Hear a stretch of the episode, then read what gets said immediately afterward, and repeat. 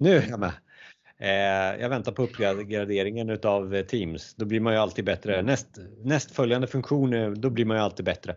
Ja, vad, vad, vad kom, det kan vi börja med. Vad kommer näst i Teams? här? Ja, precis. Det kommer eh, dels så att det, man kan vara eh, upp till åtta tror jag, personer samtidigt i bild. Eh, det finns också en sån funktion som gör att man, om man gör så här så får man ordet. Jaha. Så att man uppgraderar lite av det som eh, kanske andra verktyg har haft innan. Mm. Men eh, man lägger till. Eh, sen kommer det breakout sessions kommer också. Mm. Man kan säga okej, okay, ni två i det här mötet går till det här rummet och sen så sätter man ihop det sen så att det finns mycket.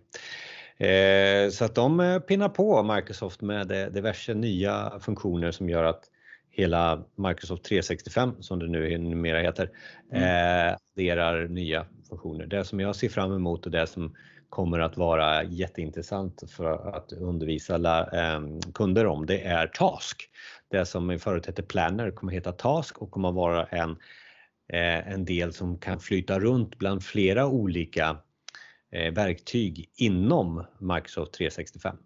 Så att eh, den här tasklistan kan alltså uppstå i eh, eh, Outlook, den kan uppstå i Word, den kan uppstå i Teams och den kan skapa, man kan skapa kanban boards, man kan skapa att göra-listor utifrån den här då. Man kan dela med sig av sina tasks, man kan aggregera sina tasks till sin projektgrupp.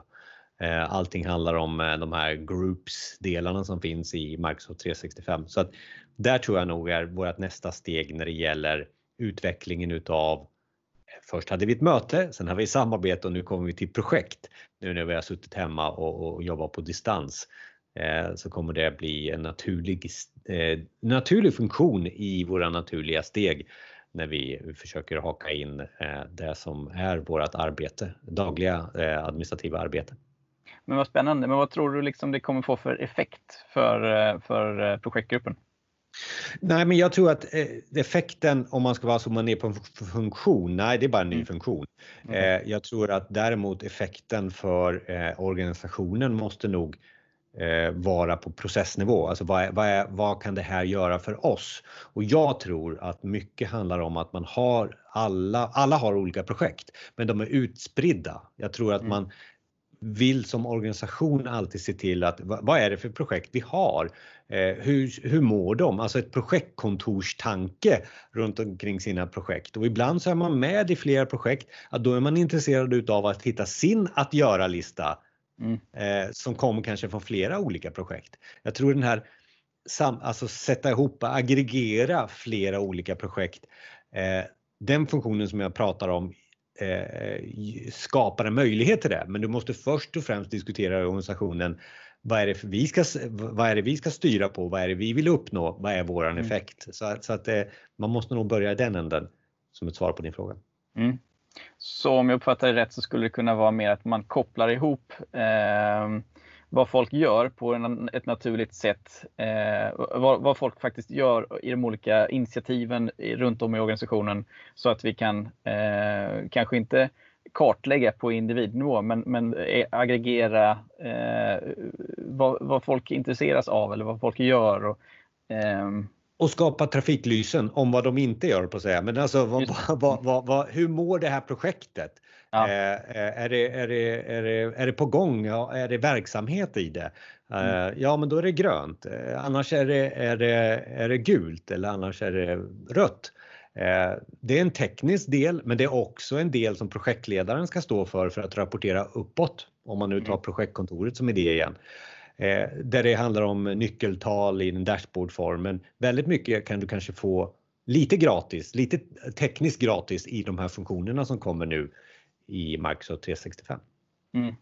Min eh, vy av det hela är ju att om inte deltagaren ser något eget, en egen vinning med att göra eller rapportera eller att dokumentera så kommer det aldrig ske. Eh, tror du det kan vara så i det här fallet också? Helt rätt. Eh, jag nämnde ju det här med att man har initierat möten, man har eh, kommit vidare till samarbete och nu ska man till projekt. Eh, det är det förstnämnda är svaret på jag väldigt mycket. Mm. Och, och, eh, sen blev det vi Mm. Eh, och nu blir det lite svårare när vi ska prata om oss. Mm. Eh, så där får man nog göra en insats. Är det, varför är det bra att rapportera uppåt? Jo, men det kan mm. vara eh, så att man förklarar utifrån att nej, det är du som kan ta upp alla dina att göra från alla projekt du är med i. Ja, man kan börja där för mm. att då för, uh, skapa en förståelse för att det här är bra även för hela organisationen.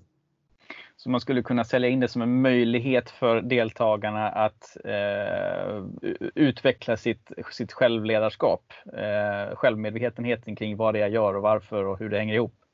En möjlighet, en mm. möjlighet till det. Jag har, eh, alla organisationer är ju i det här fallet eh, lite unika, eller man måste ha en inblick i mm. en organisation för att liksom kunna flytta pjäserna. Så att yeah. allting det du kommer säga nu säger jag ja till. Mm. Så att det, det, är lite vad som händer i, i funktionsmässigt i, i Microsoft 365 mm. och ställer inte på bara funktion. Tänk eh, vidare också. What's in it for me? Klokt ja. sagt Fredrik. Mm. Mm.